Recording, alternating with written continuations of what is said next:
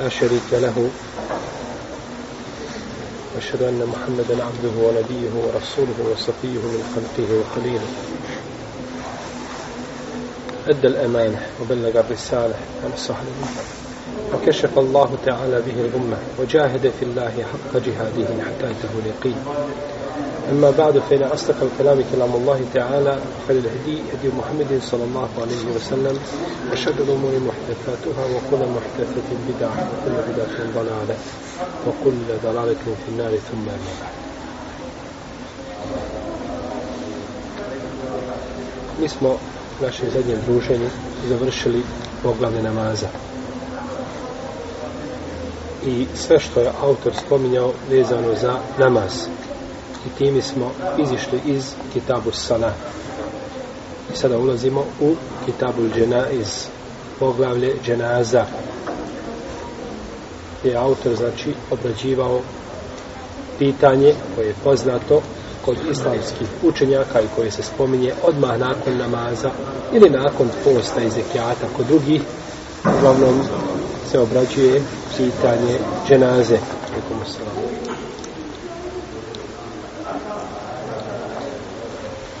šta će uraditi prisutni sa čovjekom koji se nalazi na samrti. Prvo što će učiniti jeste da će mu učiniti telqin. A telqin je da ga podstiču da izgovori riječi la ilaha illallah prije svoje smrti. Kako je rekao poslanik sallallahu alaihi wa Vepkinu meutakum la ilaha in Allah podstičite vaše samrtnike da izgovaraju la ilaha in Allah pa je sunnet da se podstiče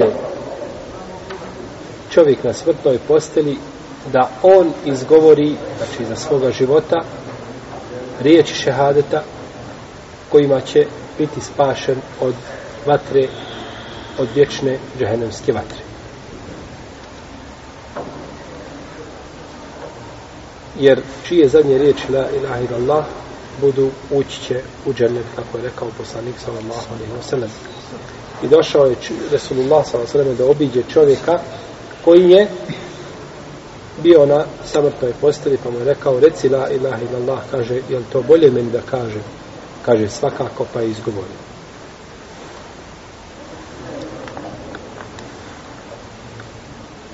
i islamski učenjaci su složni da je Mejta lijepo posticati u ovome halu i ovome stanju da izgovori da izgovori šehadet.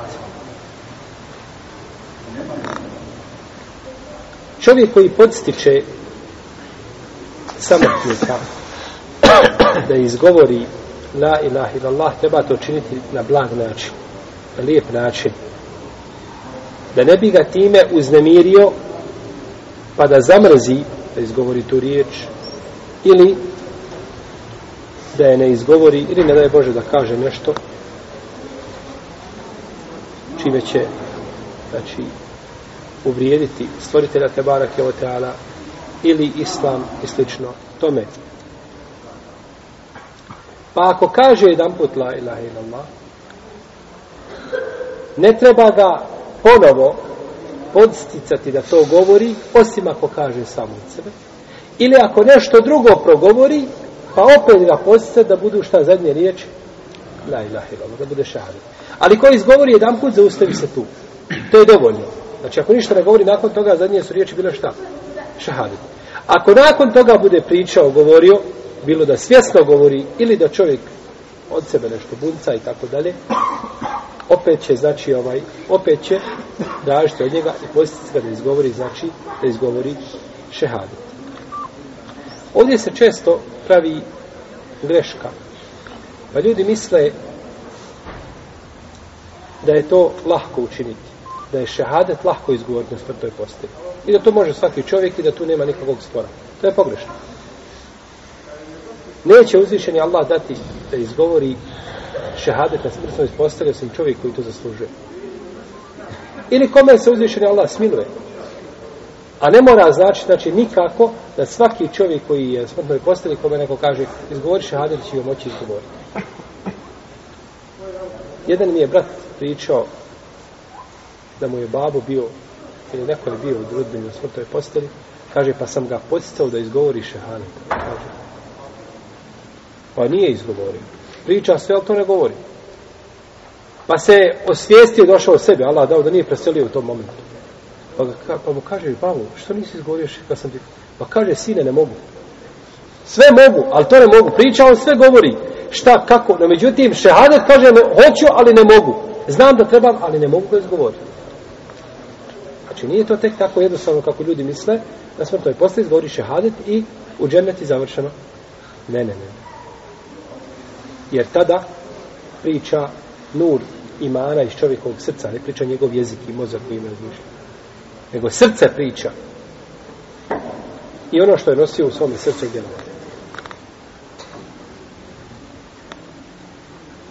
Islamski učenjaci, neki smatraju da je lijepo, pored mrtvog, učiti jasin. Zato što je poslanik sa rekao u hadisu, ukrao alam u takom suret jasin. Učite ljudima koji su na samrtnoj posteli suru jasin. No, međutim, ovaj hadis je daje. Nije vjerodostojan, tako da nema osnovi da se, pored mejta, ili čovjeka koji je na samrtnoj posteli uči šta?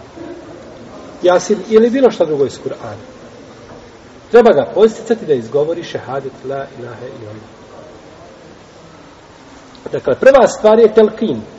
To je da ga postičemo da izgovori la ilaha illallah. Telkin biva za vrijeme života. Jer kaže poslanik sa osnovom hadisu, čije zadnje riječi budu La ilaha illallah, ući će u džennet.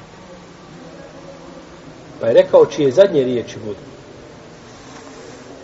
Če prije smrt ući će, kaže, postište vaše samrtni, samrtnike na, na šehadet, jer čije zadnje riječi budu la ilaha illallah, ući u džennet. Pa se to odnosi jasno, znači hadis aludira da se to jasno odnosi na čovjeka koji je živ, koji je na samrtnoj posteli, ali je na, živ u životu. Dok telka je nakon smrti, hadis koji se navodi, je kod imama Tavranije i on ima četiri mahane u svome lancu prenosilaca, o tome smo opširno govorili u knjizu o dženazi, pa to nećemo ovdje ponavljati. Znači, hadis o tel, koji govori o telpinu nakon, iako su ga prihvatili neki islamski učenjaci, odnosno rad po njemu, ispravno je da trtina nakon smrti nema. Nema telpina nakon smrti. Nego prije smrti za života čovjeka se čini telpin. Druga stvar koju su obavezni, ljudi koji su priti, prisutni kod a, čovjeka na smrtnoj, samrtnoj posteli, jeste da ga okrenu prema kibli. Imate skupinu hadisa koji ukazuju da se čovjek koji je na samrti okreće prema kibli.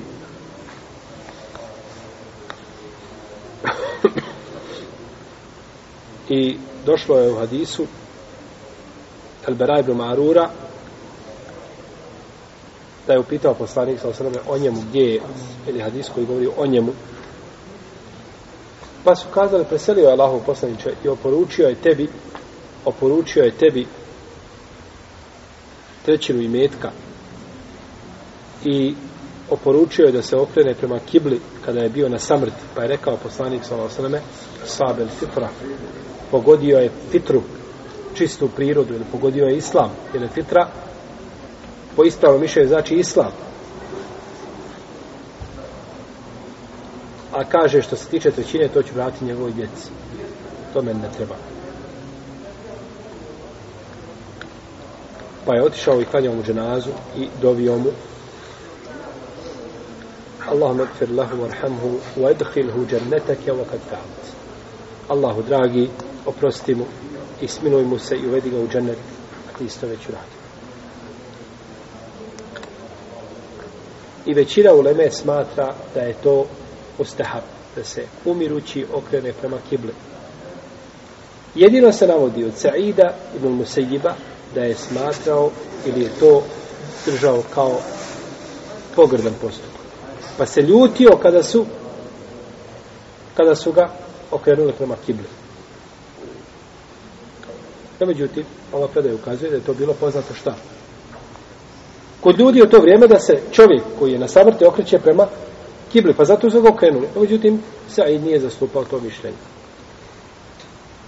Imamo, znači, više hadisa koji se mogu pojačiti. Oni su osnovi daif, ali se mogu pojačiti i ukazuju, znači, da da je pohvalno okrenuti čovjeka na samrtnoj postoje prema kibli. Ali kako se okreće prema kibli? Način okretanja. Šta znači okrenuti samrstnika prema kibli? Jer kako god da ga okreneš, on je jednim dijelom tijela okrenuti šta prema kibli. Pa šta znači okretanje prema kibli? Kod jedni islamski učenjaka okretanje prema kibli znači da mu okreneš njegova stopala u pravcu kible, kao na primjer sada u onoj pravcu gore, stopala, i da mu digneš glavu, jastuk jedan po tako da lice isto bude usmjereno kuda prema kibli. Kažu, to je okretanje prema kibli. To je jedno mišljenje. Drugo mišljenje je da ga da se mejt stavi na desni bok i da bude kompletnom svojom licem i svojom prednjom stranom da bude okrenut šta? Usmjeren prema kible. Kao kada dolazi u mezar, kada stavlja u lehd. Kako biva na desnom boku i tako je prema kibli, u istom tom slučaju bi bio, znači, i to položaj isto bi bio i kada, i kada je na samrat. I ovo je mišljenje ispravnije. Ovo drugo mišljenje je ispravnije. I njega podupire hadis koga bilježe Buharija i Muslim da je poslanik sa osvijem rekao El Bara ibn Azibu kada ga je učio dovi prije spavanja kada ga je poučio i toj dovi kaže potom se okreni na desni bok i stavi svoju svoj desni dlan pod desni obraz i ako preseliš nakon te dove i svega preselio si na fitr. Pa je to okretanje onda bilo bi pošto spominje ovdje spavanje i preseljenje bilo bi na desnu stranu. I ovome isto tako ide u prilog hadis Umu Seleme kada je preselila Fatima radi Allahu Teala Anha i da je u njemu došlo da su je krenuli okrenuta bok prema kibli. Međutim, ovaj hadis se daje.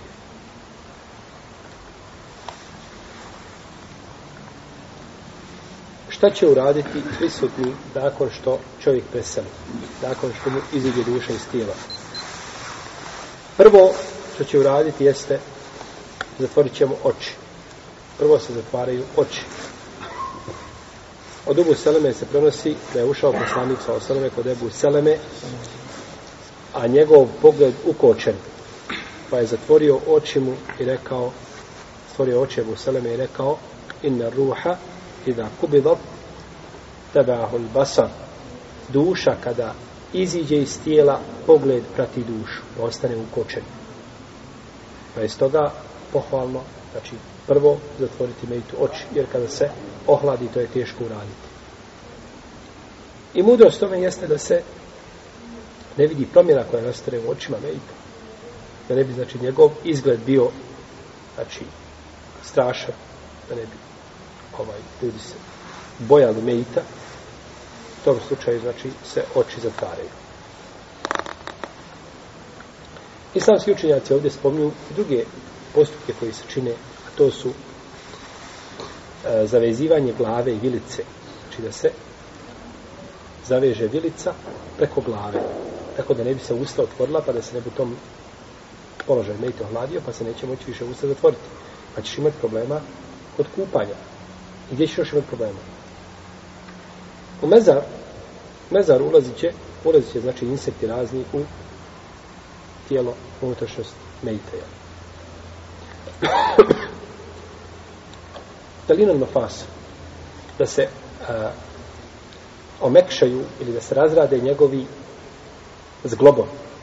Znači, zglobovi da bi se lakše mogao mejit kupati.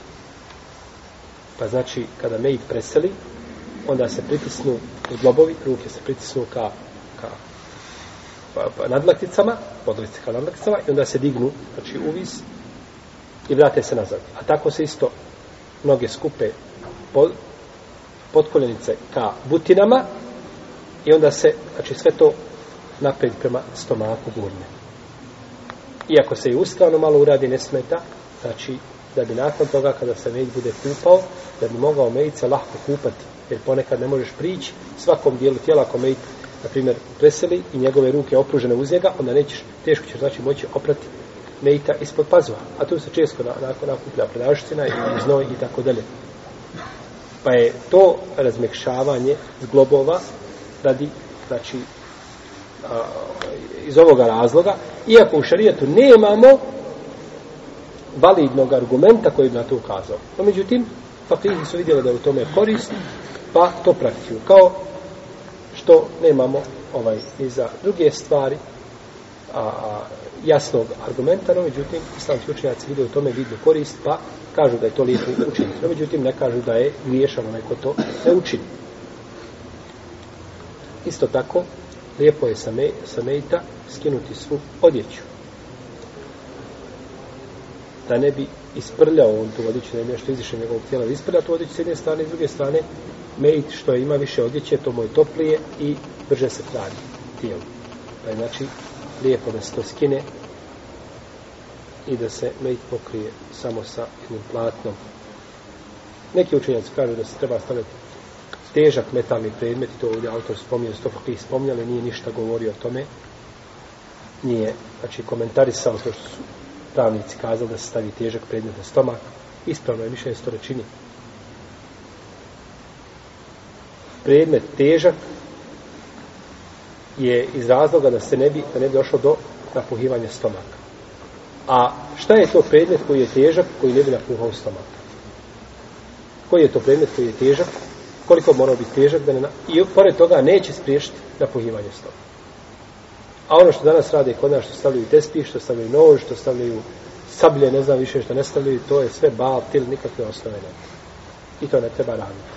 I ne može nož spriječiti napuhivanje stomaka. Ko je rekao, stavlja se neki teži metalni predmet da se ne nadu da napuši stomak. A nož to ne može spriječiti. Nož koji ima u sebi 200 ili 300 grama, ne može to spriječiti u nekom slučaju.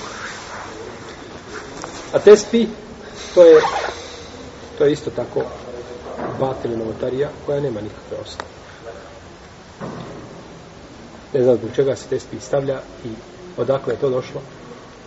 Možda čovjek nikad taj tespi u životu nije koristio, iako je sunet zikrit na prste, i nikada nije znao kako izgleda tespi, ni kako izgleda džamija iznutra i onda mu se tespi stavi na njega. Kada bi stavio musak na njega, neće mu koristiti. A ne kažemo tespi.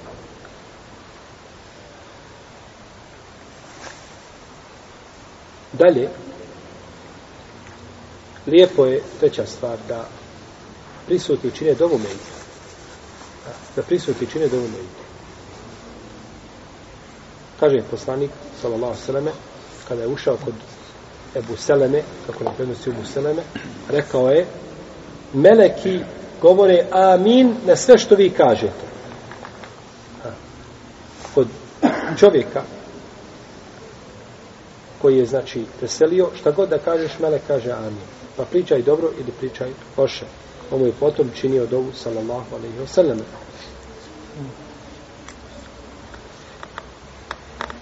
I možete čuti viceve kod mejta.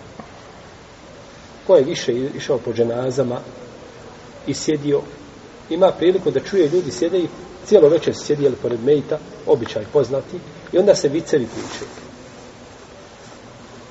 Bio sam u društvu, došao sam tako jedne prilike, radilo se o komši, gdje čovjek priča, znači bez imalo stida kako je nemoral činiti a ispred njega mejit. To je srce od kamena. To je Allah srce zapečetio. Mejit ispred tebe. I ti govoriš kako si Allahu nepokoran bio i šta si činio. A meleki aminuju na ono što se govori i što se priča. Četvrta stvar da se pokrije njegovo cijelo tijelo. Kaže Aisha radijallahu ta'ala kada je poslanik sa osnovna preselio, pokrili smo njegovo tijelo sa jednim prekrivačem. Peto, da se požuri sa pripremom nejda. Da se požuri sa pripremom za dženazu. Jer kaže poslanik sa osnovim hadisu, koga bilože Buharija i Muslim, požurite sa dženazom. Kada kažemo dženaza, mislimo na koga? Na da Ne mislimo mora dženazu, namaz. Kažemo, unijeli su dženazu u džamiju.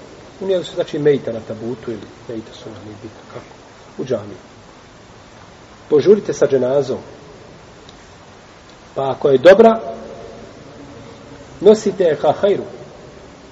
A ako je zlo, ako je bila loša ta dženaza, odnosno ta osoba, pa kaže to je zlo koga ćete se riješiti. S kim ćete ga svoj leđu. U svakom slučaju je dobro. Ili je dobro vama, ili je dobro njemu. Nekome je dobro, ali sa njim treba požuriti.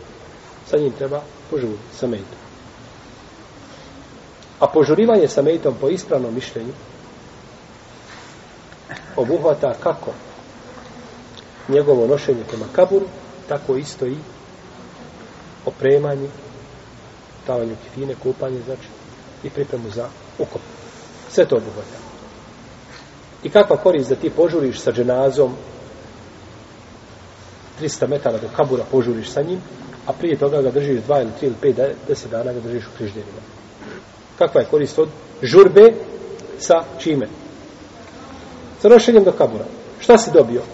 Nego žurba znači obuhvata pripremu. Iako u tome ima preterivanja. Ima preterivanja, znači da ljudi ponekad žure više nego što je šarijatski opravdano. Šesto, da se požuri,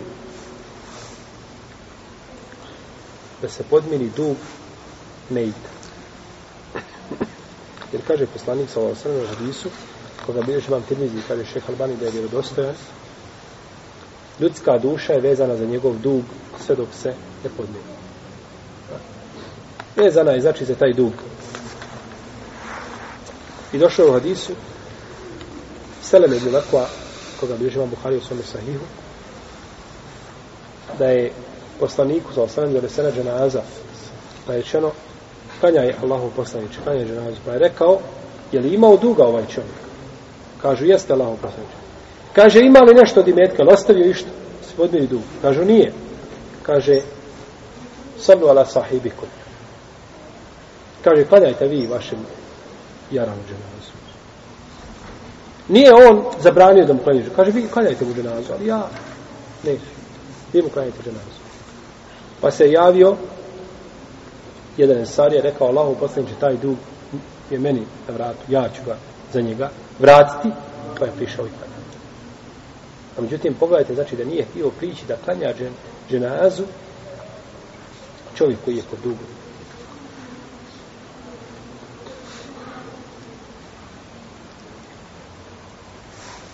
Šta je dozvoljeno prisutnima kada je u pitanju medit? Dozvoljeno je da otkriju njegovo lice i da ga poljube. Znači ono što je poznato kod nas u narodu, da se poljubi medit, u tome nema nikakve smetnje. To je šarijetski opravdano, to ima svoje utemeljenje.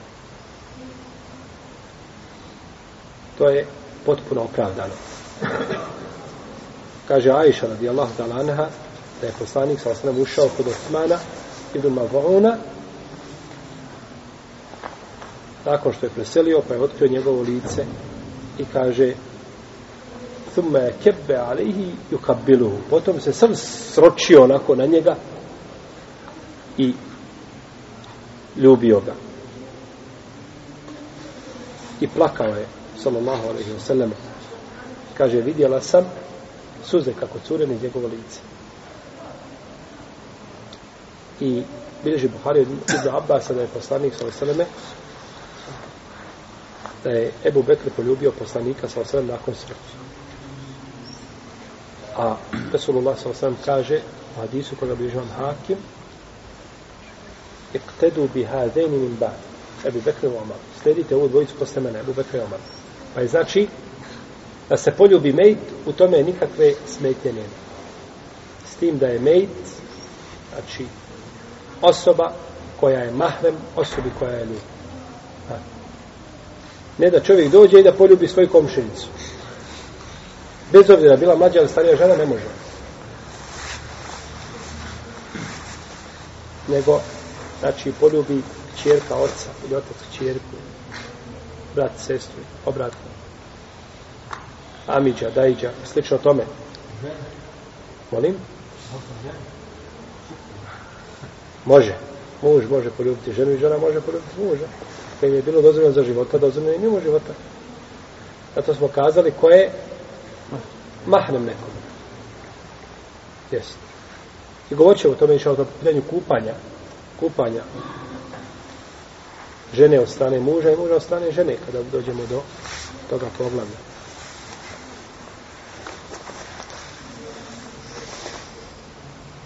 Da se plače za mejito, dozvoljeno. Govorimo o stvarima koje su dozvoljene. Ko ne bi poljubio mejita, nije griješan. Možda se neko boji mejita. Ne treba ga prisiljavati da dolazi i da se prepada mejita, da to sanjava i tako dalje. Ako se boji, boji. Ne mora dolaziti, ne mora ga ni gledati, tako dalje. Nije, nije uslovljeno. Ali ko želi, može. Druga stvar, dozvoljeno je čovjeku da plače za mejtom. S tim da ne smije preći taj plač u zabranjeni plač, mislim na naricanje i da ne smije govoriti ono što srdi Allaha te barek Da čovjek govori izraze koji bi rasrdili stvoritelje. Često dešava. Zašto mene? Allahu, zašto mene? Zašto se mene iskušao? Jel? To su riječi koje su teške, koje su opasne. Uzvišen je Allah je iskušao poslanika sa osrme, vidjet ćete kako je njegov sin preselio. I ashabe iskušavao. Ima pravo da iskuša koga hoće i kada hoće i kako hoće, a ti nemaš pravo da kažeš, a zašto? Nego imaš pravo da kažeš, gospodaru moj, ja sam zadovoljan tvojom odredbom. I tako musliman treba da postupi. Uvijek, šta god da se desi, zadovoljno sve. Došlo je u hadisu kada je preselio Ibrahim a.s sin poslanika sallallahu alaihi wa sallam pa je počeo plakati sallallahu alaihi wa sallam pa mu kaže Abdurrahman ibn Auf Allahu poslaniče, zar ti kaže, zar ti plačeš Allahu poslaniče kaže, o Abdurrahmane kaže, to je milost koju Allah učinio u srcima ljudi to je milost Pa mu je ponovo to ponovio. Abdurrahman ne može vjerovati da poslanik sa osam plače. A on je bio najmilostiviji čovjek. Pa kaže Abdurrahmane oči plaču i srce žali ali nećemo govoriti ono osim ono što osim ono čime je zadovoljno naš gospodar. Nećemo govoriti ono što srdi naše gospodare. I onda je rekao sallallahu sallam o inna bi firaqike ja Ibrahimu ne mahzunun i kaže, o Ibrahime, zaista smo mi tužni zbog rastanka sa tobom. Sallallahu alaihi wa sallam. I kada se razbolio Sad ibn Ubade, plakao je poslanik sallallahu alaihi wa sallam. I rekao je, oči plaču, a Allah neće kažnjavati ljude zbog plaća. Kaže, već niti zbog žalosti koju čovjek ostaje u svome srcu već kažnjava čovjeka ili mu se smiluje zbog jezika znači hoćeš li kazati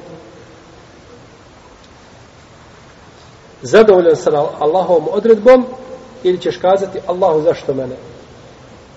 Jedno od dvoje. Ili ćeš sebi navući Allahu sržbu na, na sebe ili ćeš Allahu zadovoljstvo. Potom je rekao poslanik Osrame, zaista Mejit biva kažnjavan zbog plaća njegove porodice za njim.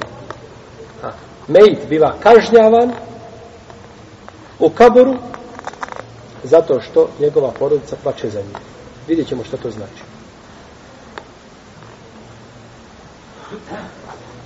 Dakle, obični plač ne smeta i nije šarijatski zabranjen. I to je milost koju uzvišen Allah te barek tala usadio u ljudska srca. I bilo bi to opterećivanje čovjeka mimo mogućnosti da mu se kaže veselilo mu dijete ili nekakav tragičan završetak imalo i onda kažeš ne smiješ plakati. Dođe ti skupina nasilnika, razbojnika i izbušeti tvoje dijete u tramvaju i preseli negdje u bolnici. što se dešava u ovom gradu koji je pun kriminala, koji je bio sigurniji za vrijeme rata nego što je sad.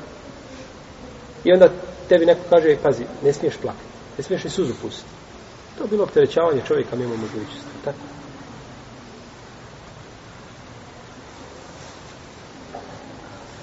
Da li će Mejit biti kažnjavan zbog porodice koja plače za njim?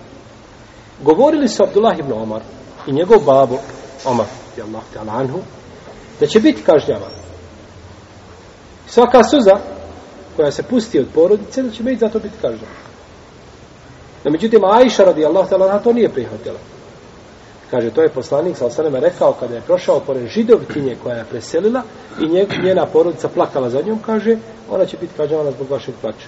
Kaže, to je rekao njoj, a nije to, kaže, rekao muslimani. Kod većine islamskih učenjaka, Mejit će biti kažnjavan zbog plaća porodice za njim, ako oporuči da plaču za njim. Kaže, kada umre, na noge se dignite i urlajte, i plačite na silu. Čak imate iznaj, da se iznajmi na rikača. Plati joj se dnevnica, ona je, ona je specializirana da nariče. I dođe i ona rasplače i, i, i najveselije i plati joj se. Pa, pa je to zabranjeno. Zabranjeno je, znači, da se oporuči da se nariče za mejtom. Čovjek bio vjerni, musliman, držao se Allahove vjeri njegovih propisa. I nakon toga preseli. No međutim, djeca, onakav kakve su, nariču za njim. Da kažemo, on će biti kaževan zbog njih njegovog postupka, to bi bilo suprotno ajetu, vola teziru vaziretun, izra uhra. I niko ničije grijehe neće nositi, tako? Jedni učenjaci kažu, bit će kažnjen zbog svoje porodice, ako budu plakali za njim, ako ih nije poučio propisima. Zanemario je poučavanje porodice, pa je nakon toga, pa će nakon toga biti kažnjen. U svakom slučaju, čovjek koji je poučio svoju porodicu i nije to poručio, išao tada da će biti kažen. Šta trebaju bližnji od Mejta da učine nakon njegove smrti?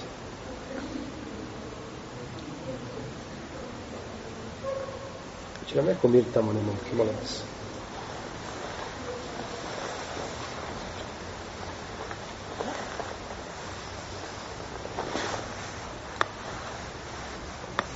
Prvo, na ljudima je da budu saborni. Znači, desio se posibet, na njima je prvo da se strpe i da učine elisterđa. a to je da kažu šta inna lillahi wa inna ilaihi rađiun mi smo Allahovi i Allah se vraća kako kaže uzvišeni Allah tabaraka wa ta'ala alladine idha asabetum musibetum kalu inna lillahi wa inna ilaihi rađiun mi smo Allahu i Allahu se vraćamo sve što je bilo sve što se desilo opet je na kraju povratak Allahu te barake o ta'ala I zato čovjek treba strpiti, ali je najžešći sabor i najteži za čovjeka u prvom onome mahu. Znači, kada se desi nešto, tad u tom momentu, uprotivno nakon dan, dva, tri, sve je to normalno i sve to čovjek prihvata i strpi se, znači, na usivetu koji ga je zadesio. I vi znate predaju Enesa, koji je bilježe Buhari i Muslim, da je čovjek prolazio pored kabura i vidio ženu koja stoji i plaće. Pa kada je poslanik sa osrame savjetovao, boj se Allaha, kaže, istrpi se, kazala je, i leke anni, bježi.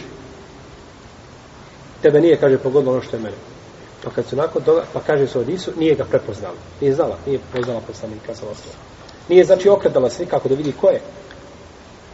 Pa kada su joj kazali, otišla je, otišla je kući znači da se izvine zbog riječi koje je kazala. Pa kada mu je rekla Allaho poslaniče, ja tebe nisam poznala, kaže, kaže, inna me sabru, inde sadmetim ula. sabur je strpljenje kod prvog udarca. Da se čovjek tada strpi. To je najbitnije. U protivnom, nakon dva, dan, dva, tri, čovjek kakva god vijezda došla prihvati je jeli, na jednostavan način, odnosno ima dovoljno sabura da ne upadne u ono u šta je mogao ili lahko upadne, znači pri prvom udarcu ili dok čuje, dok čuje vijest ili haber.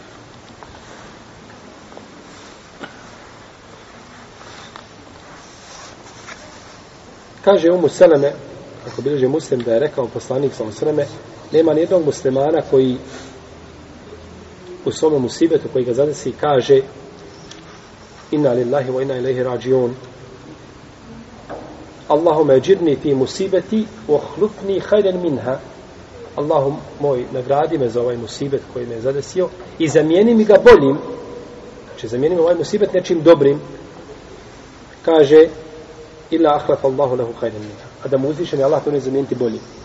Pa kada je preselila kada je preselila Ebu Seleme Umu Seleme je kazala ove riječi zamijeni mi no međutim kaže ko je to bolje od Ebu Seleme Znači, Ebu Seleme je bio kulminacija kod Umu Seleme da nema znači muža kao njega. Kaže, ko, gdje to ima bolji muž? Pa je uzvišen je Allah zamijenio to bolji muž. Sa boljim, sa poslanikom. Pa je on ženio Rasulullah sallallahu alaihi wa sallam. Pogledajte šta znači primijeniti jedan hadis u svome životu. Umu Seleme je jedan hadis koji je čula od poslanika sa Seleme i šta je dobila? Da bude žena poslanika sa Seleme na dunjalu koji na ahiretu i da bude majka svih vjernika možda ne bi bila poznata kao umu Seleme da se nije udala za poslanika sa Seleme ni četvrtinu i možda manje od toga jer koliko ima sahabiki nikako im ne znamo imena ni ko su ništa sliču čuli za njih možda bi ona bila jedna od njih. ili bi je možda samo znali po hadisu mu Seleme i samo to e, Ebu Seleme kada preselio no međutim nakon je toga ona majka vjernika radi Allahu ta'ala anha znači i žena poslanika sa osrme na oba dva svijeta, a nema veće časti. Nema veće časti za ženu od toga da bude žena poslanika. Jer su poslanici ljudi najpotpunije čudi, najpotpunije imana i verovanja. Zabranjeno je naricanje za menitom. I ovo posebno vidi za žene. Muškarci manje više, a međutim ko žena je posebno poznato naricanje. I to je strogo zabranjeno, jer naricanje je u koliziji sa zadovoljstvom sa Allahom odredbom. Dok naričeš, znači nisi zadovoljan. Jer si zadovoljan, ne bi naricao. Mogao bi plakati, mogao bi žaliti. Međutim, naricati, jer šta je plakanje? Čovjek se ne može strpiti, šta? Da? Ne može strpiti da plačeš. Bilo u radosti ili u žalosti. Radostna ti vijest dođe. I onda se čovjek rasplače. I ne može zaust, ne može, ne može obuzdati sebe. No, međutim, naricanje nije obuzdavanje, nego naricanje treba trud. A to je lako spriječiti. To se može zaustaviti. Pa je zbog toga naricanje zabranjeno. Toga je naricanje zabranjeno.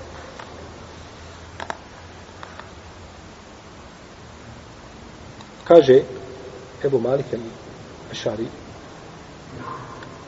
da je poslanik, sam sam rekao, četiri stvari od džahilijeta bit će u mome umetu. neće, ga se, neće se proći tih stvari. Da se ponose sa porijeklom. Kaže, ja sam sin toga, toga, moj babo je takav, takav, moj dedo je takav, takav i tako. I drugo, vrijeđanje tog poroga. Se vrijeđa taj porog. Odnosno, preci da se vrijeđaju. I da čovjek kaže kišu preko zvijezda. I da se nariče za meitu. Te četiri stvari, kaže, moj umet će, bit će prisutno moj umet. Kaže umu Atije, kako bilježi muslim u svome sahiju, kada je poslanik sa osram uzimao prisegu od nas žena, uzeo je prisegu da ne smijemo naricati. Da ne smijemo šta? Naricati.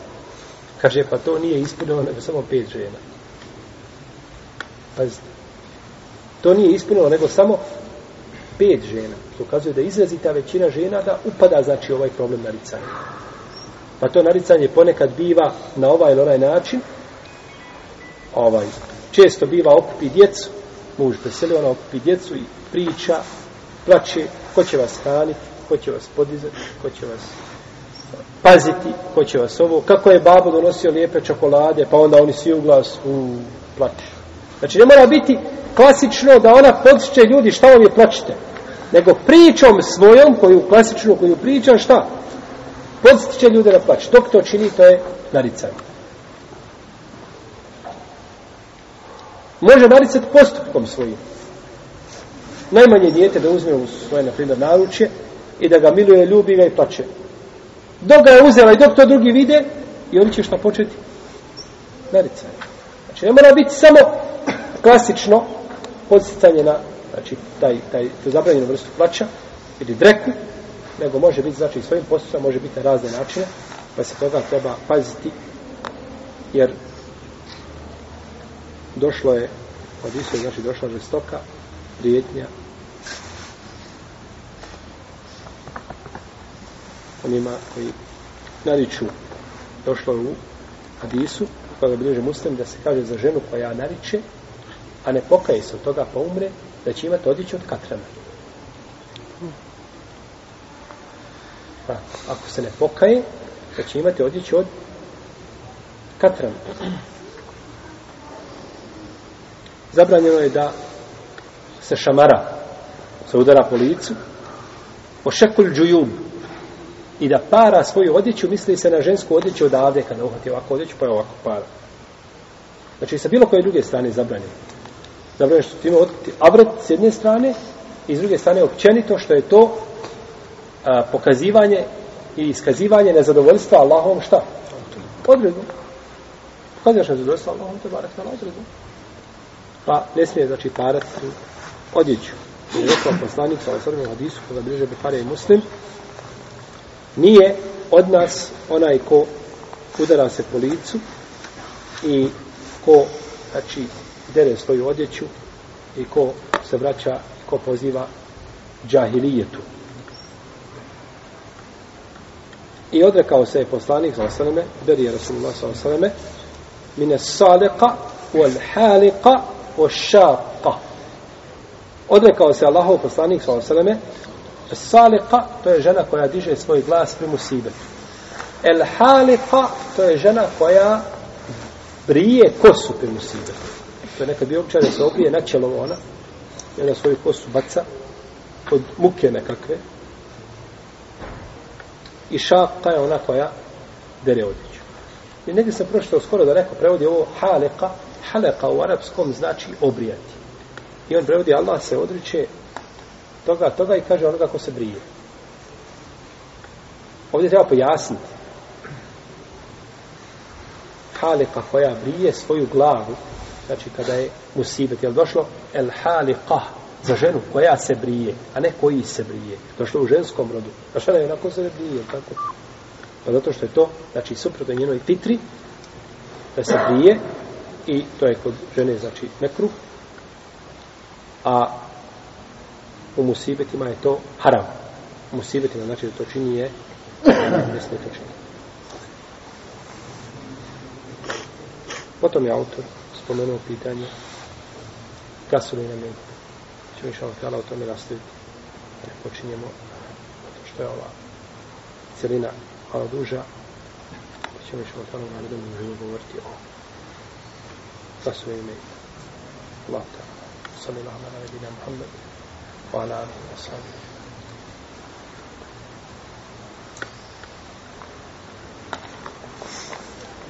Ima pitanja vezani za temu? Budu. Ono kad ženazimo, da se neki noći drže neke govore, ono, to... Držanje govora na ženazi nema e, e, u smislu predavanja obraćanja ljudima, nevojle savjeta, nema smetnje da to bude nešto kratko. 10, 15 minuta maksimalno. Ako ne bude previše 15 minuta. Ibn Sejmin kaže klasične one predavanja ili nešto poput džumanskih hutbi, to ne treba. Čovjek iziđe da priča pola sahata, 45 minuta, sahat, sahat i po pred meditom, to je pogrešno. To je pogrešno. nego, znači, da se kratko obrati ljudima, da ih posavjetuje, neće smeti šokala, imaju ovaj predaje koje ukazuju da bi to moglo biti osnovno. Jesi.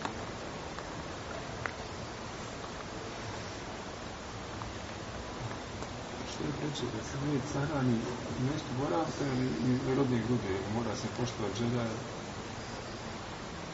Recimo, ako živim u Sarajeva i Zencesa, hoću da me sahrani u a Prvo takva oporuka, prvo takvo, znači prenošenje mejta je pogrešno.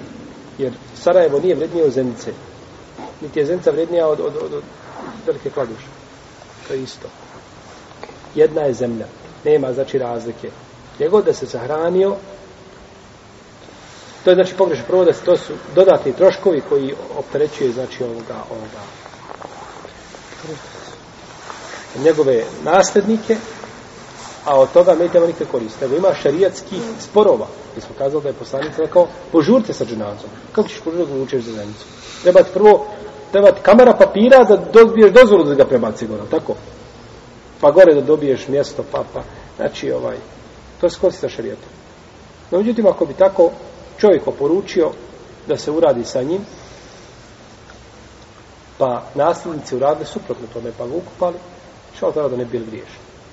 Jer ta se oporuka ima u njoj ono što se kosi sa šarijatom. recimo roditelj, ako te roditelj ovaj, oporučiti da ga sahraniš u rodnom grudu, ima rodna gruda. Može čovjek, može ispoštovati njihovu, može ispoštovati njihovu oporuku. Ali ne mora. Ali, kažem, kada je ne bi ispoštovao, Allahu alem da ne bi imao grija. Zato što ta oporuka ima u sebi primjesa a, koje se kose sa šarijatom. A to je žurenje sa, znaš ako je to dalje? Da ga sad odavde voziš, na primjer, gore u, u Bihać.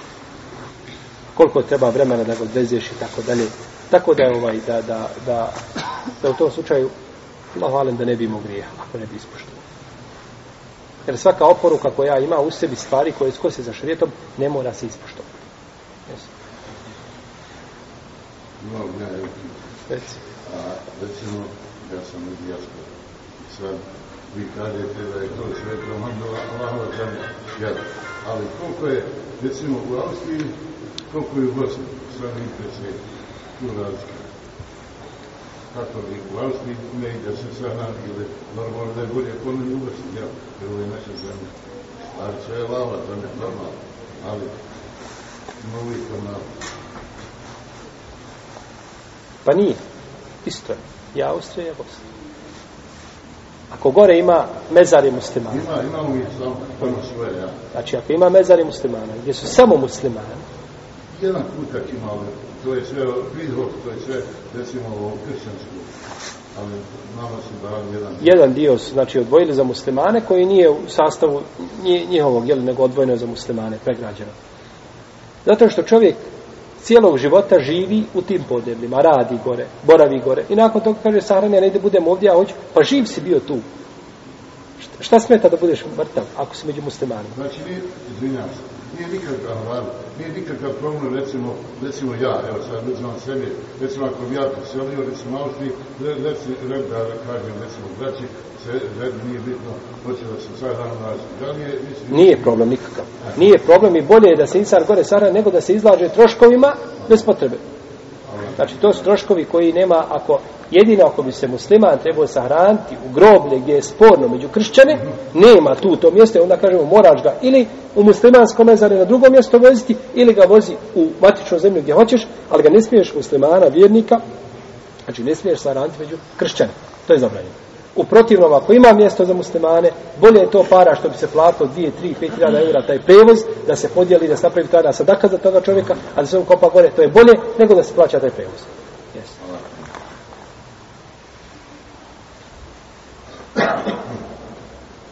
čovjek koji nije bio u namazu, na primjer, kraja života, ne se nekome namazu. Šta čovjek koji? Koji nije bio u namazu, a musliman je kao, da je musliman, Dobro. nije bio u namazu.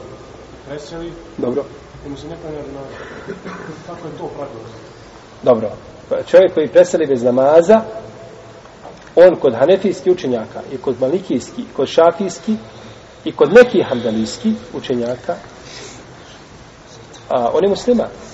I mu se klanja dženaza. Dok kaže poznati stav u Hanbelijskoj pravnoj školi i to je preneseno od velikog dijela Selefa, da su govorili da čovjek ne, nije musliman, da mu se ne klanja dženaza. Međutim, ima jedan problem. To je koji spominje Ibnu Kudame, u svome djelu Mugni, da kaže, pored toga, kaže, nikada nije zapamćeno u istoriji Islama da nekome nije klanjala dženaza zato što nije obavio namaz. Kaže, koliko je samo ljudi kroz istoriju osnovu namazu? To je isto tako, vidite u našem vremenu. I pogledajte, tako je bilo u priješnjim vremenima. Možda malo manje, ali bilo je, znači, puno ljudi koji su ostavljali, šta? Namaze, da ih nisu klanjali. Nikako. I to se znalo i presele, no međutim je li ikada, kaže, u istoriji zabilježeno da je nekome dženaza, da mu nije klanjana, zato što nije klanjana. I to je zaista te riječ koje Ibn Kudame kazao su ovaj, a, jedan veliki upitnik na koji treba da to odgovori. Pa to bi bilo više teoretski nego praktično. U svakom slučaju, bilo bi lijepo od imama, čak i ako se klanjao, na primjer, imam hanefijskog mezeba, i smatra čovjeka koji ostaje namaz da je musliman. Bilo bi lijepo da kaže ljudi, e, ovaj čovjek ovdje preselio, klanjajte mu dženazu, ja mu neću klanjati dženazu, vi ga kupajte kako znate, ovaj, ja neću ništa zato što nisam ga nikad vidio da došao u džamiju. I kazali su mi njegovi da nikada nije klanio, ja, mene ne zanima. To je bilo lijepo da uradi. Da svako od prisutni, da se te riječi proširi, da čuju, da kažu, ha, Efendija ne ide klanjati dženazu, neko ne, ljudi požute u džamiju. Međutim, ako Efendija dođe, kaže, okupa ga fino, namiriše ga lijepo, dotjera ga, upakuje ga se, lijepo ga dotjera. I kaže ovaj, molim Allahu da mu oprosti eventualne grije. A on nikada Allahu na seždu pao nije. Ne zna kako izgleda džamija iznutra. Nikad to nije vidio. I onda ovaj kaže eventualne. Kakve eventualne grijehe živio? Da se rekao da mu pridi eventualna dobra djela, možda bilo, bio bi bliže istini. Nego kažeš Allah mu prosti eventualne grije. Jeste, imamo halal i mi imamo halal, ti slično tome. Šta mu ti halal? Nije te ništa, možda nisi nikada u životu vidio, dva puta se posalamio sa njim.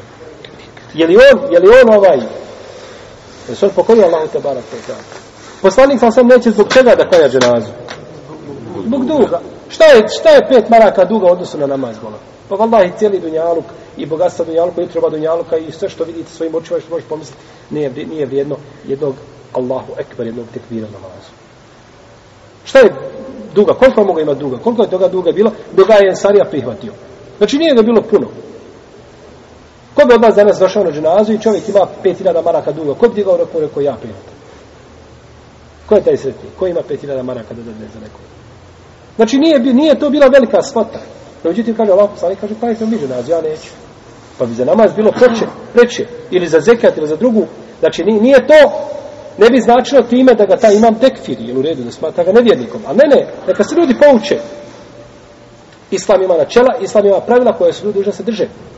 Ako si u taboru muslimana, ehlano sehlan, imaš pravila koji se moraš držati. Uprotivo ne možeš biti tu. Reci. Kao ako nije ne klanjao taj čovjek, on se kao ne ukopava na muslimansko. Pa isto stvar. Isto, to isto. Isto on kaže. On je- Nije, kaže, zabilježeno. Da nije klanjao ženaza. Da nije ukopao muslimansko mezanje. Da nije bio velija svojoj uh, ženi, o svojoj kćerki ili, ili sestri ili tako dalje. Znači, nije zabilježeno da je neko zbog toga izgubio to svoje pravo. Sad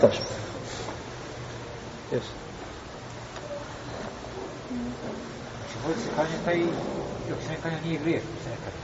Znači, ovdje ja nisam razumio kako se odgovor dali. Na pitanje brata. Ima li još neko da nije razumio, ili sam ti? Vjerojatno ja nisam. Znači, znači, Ako imaš još jednoga, onda je greška u mome odgovoru.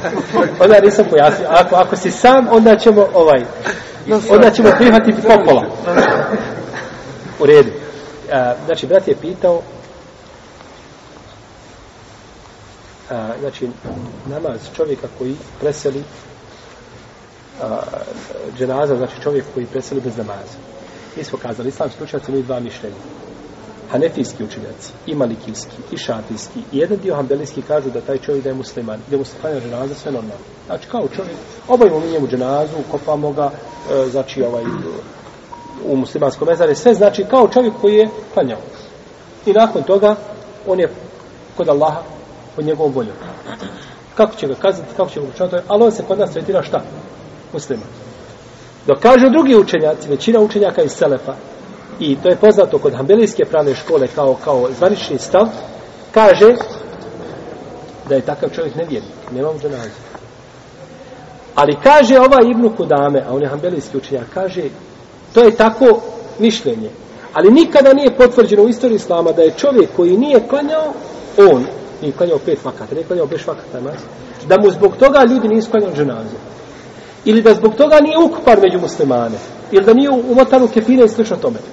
Znači, to je praksa bila da se muslimanima klanja dženazu.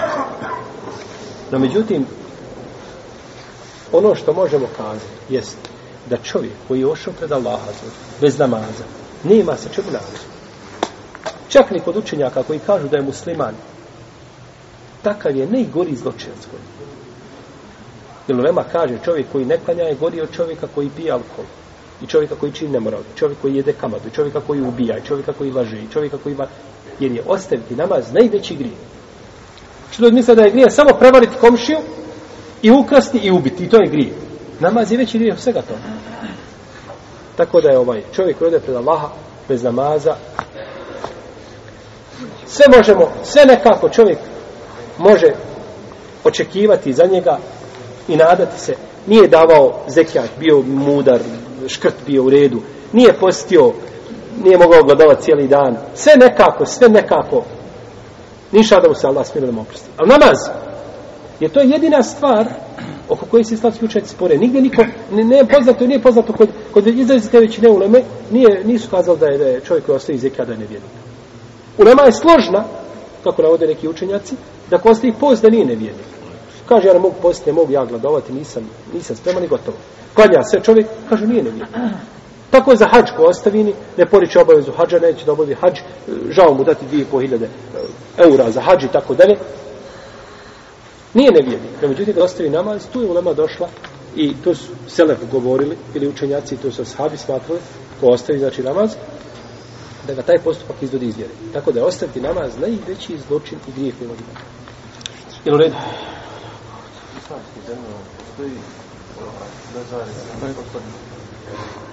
Nisam čuo. Nisam čuo, znači da postoji za otkaz. To nisam nikad čuo.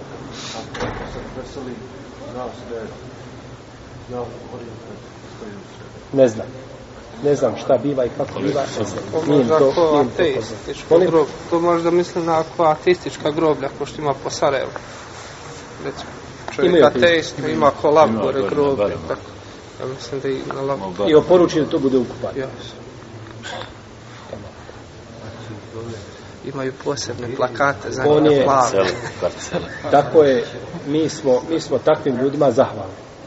Mi smo takvim ljudima zahvalni, kažemo da je ovaj, hvala im najljepša što tako postupuju, jer zaista bez ijeta muslimane u njima ne zanima. Pa je bolje da izijete tamo sami sebe. Živ bio ako niza muslimana, ja sam čuo jednog, kaže se preko radija šehidi, šehid kaže, ovaj, iako ta riječ šehidije, jele, ona se koristi gdje može i gdje ne može, svugdje se ona koristi šehidije. No, međutim, on se javio u studiju i kaže, ja ne želim, kaže, da se moj zin, zin naziva šehidom. On je tamo nekakav musliman, ima on ime nekako muslimansko. Znači, ljudi, nose ljudi otvorenu mržnju, znači, tako je lijepo kad predstavljaju da kaže, ljudi, nemojte mene tamo, ja nisam bio do te skupine, srte me na drugu stranu. Allahu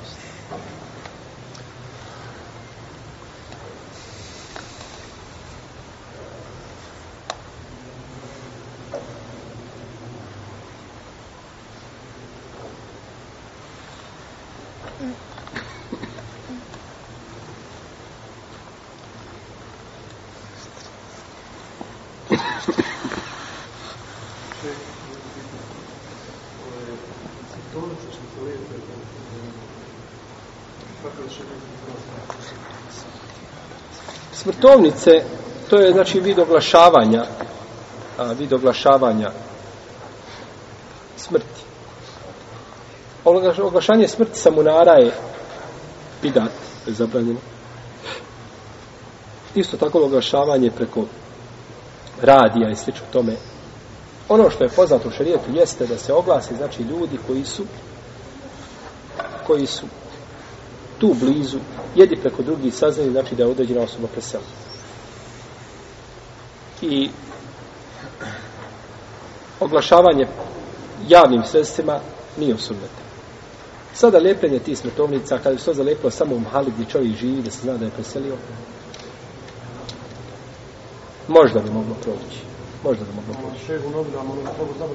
Ne, ono što se radi, no, to je, to je neispravno. E, nema potrebe, znači, čovjek je preselio, ko je bio tu, obavljen mu je dženaza i završen. Ima Mahmed kada je preselio, šeho sam Tejmije, nije bilo nikakvi ovi, ovi glasila, nije bilo ničega, pa se desetine hiljada muslimana sakupili njihovim dženazu. Uzvišen je Allah kome hoće, zato ima Mahmed gori između nas i na ovo se kaže dženaza. I zaista tako. Pogledajte učenjak Ehlu Sunneta, koliko im je ljudi bilo na dženazama. Kada jedan od njih preseli, kaže se da imamu, da je, da je imamu Ahmedu nekoliko dana nakon toga da su ljudi u povorkama dolazi iz dalekih mjesta na klanju dženazu. Jedna dođe skupina, pa druga, pa treća, pa četvrta. Pa nikad ne prestaje ljudi dolaze, znači, svi s mjesta dolaze i on zna samo da će doći šta da klanja dženazu i da se. I da mora kroz pustinju opet negdje 2000 km tamo ovaj tuć da devi, ali došao samo da klanja šta dženazu imamo Ahmedu. A nikoga nije obavio, nije bilo telefona, nije bilo, nego uzvišen je Allah htio, znači da to da to dođe do vjeri. Tako da je obavijest jednu užu skupinu ljudi, ne smeta, šeh Albanija je na večer mu 11 sati dženaza klanjala. Preselio je posle Kindije, ukopan je na večer u 11. Znači 6-7 sati od preseljenja i 7000 je ljudi bilo na dženazi, a niko nije obavještao. 7000 ljudi je došlo na dženazu. Znači tako da je dovoljno znači obavijesti one koji izdužen da znaju kod poznanika se vidi a ta obavještavanja i oglašavanja nisu odsudne.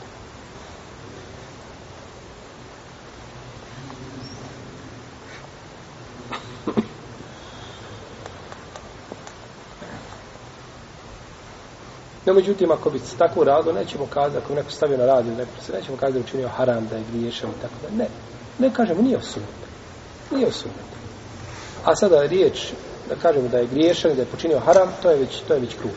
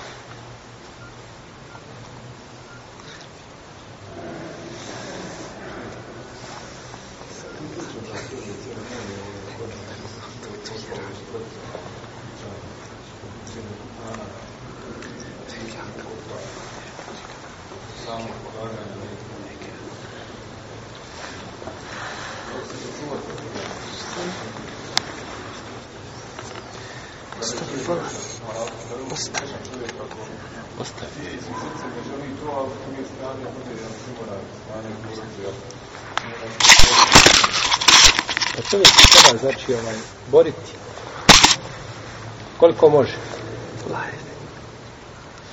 Znači da ne čini ono što je osum. A ako mimo toga prođe nešto, mimo njegove volje, znači, od bidata, šta treba da neđe on griješ? On treba nasled da učini sve što je pri njemu, da to zabrani. I da spriječi. A da time ne napravi veće zlo. Ako uspije, hajde beri. Ako ne uspije, a sigurno neće uspjeti sve spriješiti. Znači, neće uspjeti sve spriješiti nikako. Jer je zaista toliko je toga, toliko je tino utarija pri ženazi, da je insan kada to spromijenio sve da kaže ljudi, pa dobro, šta nam je ostalo dženaza? Jer on sve smatruju da je to dženaza i da sasvim bi znači što se čini.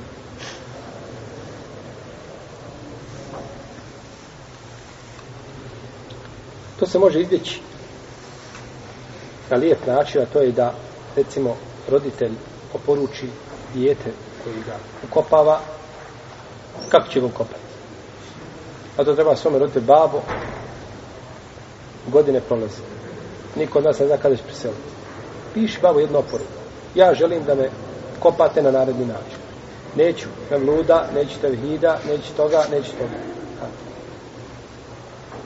Neću nikakvih ceremonija i neću priča i, i predavanja i nego hoću, znači da me kopate na takav i takav način i da spomene određene stvari ili ko će mu ženazu klanjati. Ili da kaže ja opunomućujem na punomućujem tog i tog imama da me on ženazu klanja i da me on ukopa da on sve završi. Niko drugi pravo. Kogod će doći u Mehdanu Seren da gleda, ali on je zadužen za moj ukop sam. I ja sam njemu objasnio kako će on to uraditi. I tako je se riješio problema i sa selom, i sa lokalnim imamom, i sa svakim. Moj babo je poručio da kabor ne smije biti izvišen metar, nego samo jedan pedelj. Moj babo je poručio da kada ga stavimo u kabur da ga ne pomjeramo lijevo desno. Moj babo je poručio tako, poručio je znači oporuka tog mejta se poštuje. Kada ti izišao pred sve ljude i proštao, evo moj babo nešto poručio, molim vas samo minutu, saslušajte me, čitaš, poručio moj babo da ga ukopam na takav i takav način. Niko neće kazati radi suprotno, tako. Rekao, moj babo poručio da ga gore negdje na vrh brda ukopam samoga. Niko neće kazati, nego sam pričao, ne, ne, uradi vi kako on htio, tako. I tako ćeš ti sebe zaštiti, a sprovešćeš u praksu najveći dio sunna. Mislim da je to jedna stvar, ne može riješiti u potpunosti problem, ali može amortizirati mnoge probleme, znači i ublažiti koje su sigurno ovaj prisutni, kojih mi svi ovaj patimo.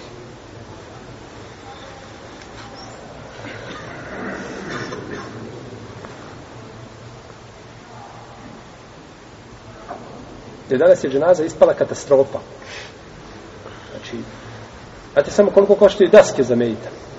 One što se pravi nekako posebno drvo, ovako 15 cm debele, kako su daske 15 cm debele. Dvojica trebaju jednu dasku da nose za medita. I uvijek se naruči veći, veći broj dosaka nego što treba. Opremanje samo medita. Ovaj, plaćanje usluga tih i tako dalje. Nakon toga što se slijedi postoje dženaze došlo je vrijeme da se ljudi boje preseliti. Boje se da umre. Reci. Samo, kaže, doktor nas informatika, da je samo gasolin, to valjda gdje da bolce kada prvi pol gasolin, ne znam nije. Samo gasolin je šest komada. Ja mogu biti daj, više, to ne reći. Ovaj gasul će ga ljudi besplatno, kako ga sve 600 maraka. No. Kažu uko 5000 koji su član. Košta. Zemljište ovo je. Hvala.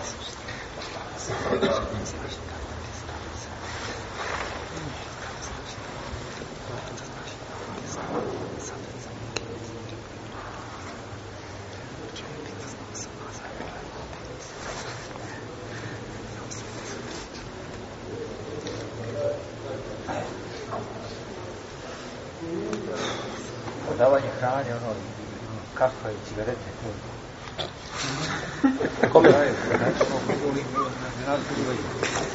Ljudima koji idu na dženazu. Bilo ti pitanja? Pitali su svi da praktikuju cigarete, nosi kuže i kafa. A dobro, to će da počiste ono što je došlo dženazu. I ovaj. Nije, nije to zabranjeno. Ne smije se, cigarete se ne smiju davati ni na dženaze, ni u dženaze. Cigareta je štetna.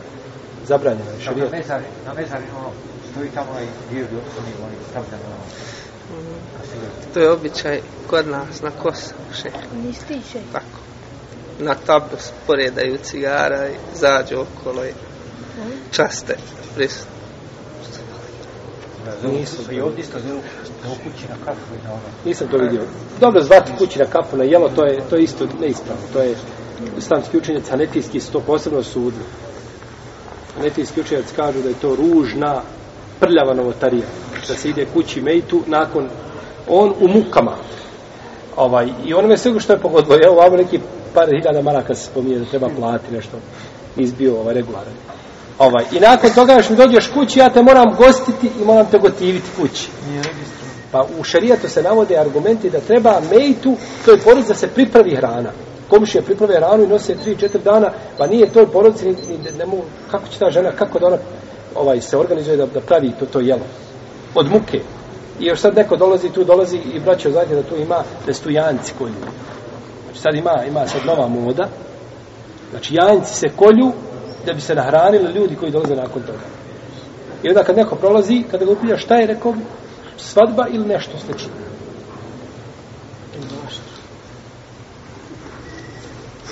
I kako ljudi lahko prihvataju stvari koje su, koje su nevezane za vjeru. Dok se spomene i dok jedna skupina to ljudi urade, drugi se kao pijavice lijepe zatvori, ne može odlijepiti bez to muka od toga. To je pogrebno. Allah,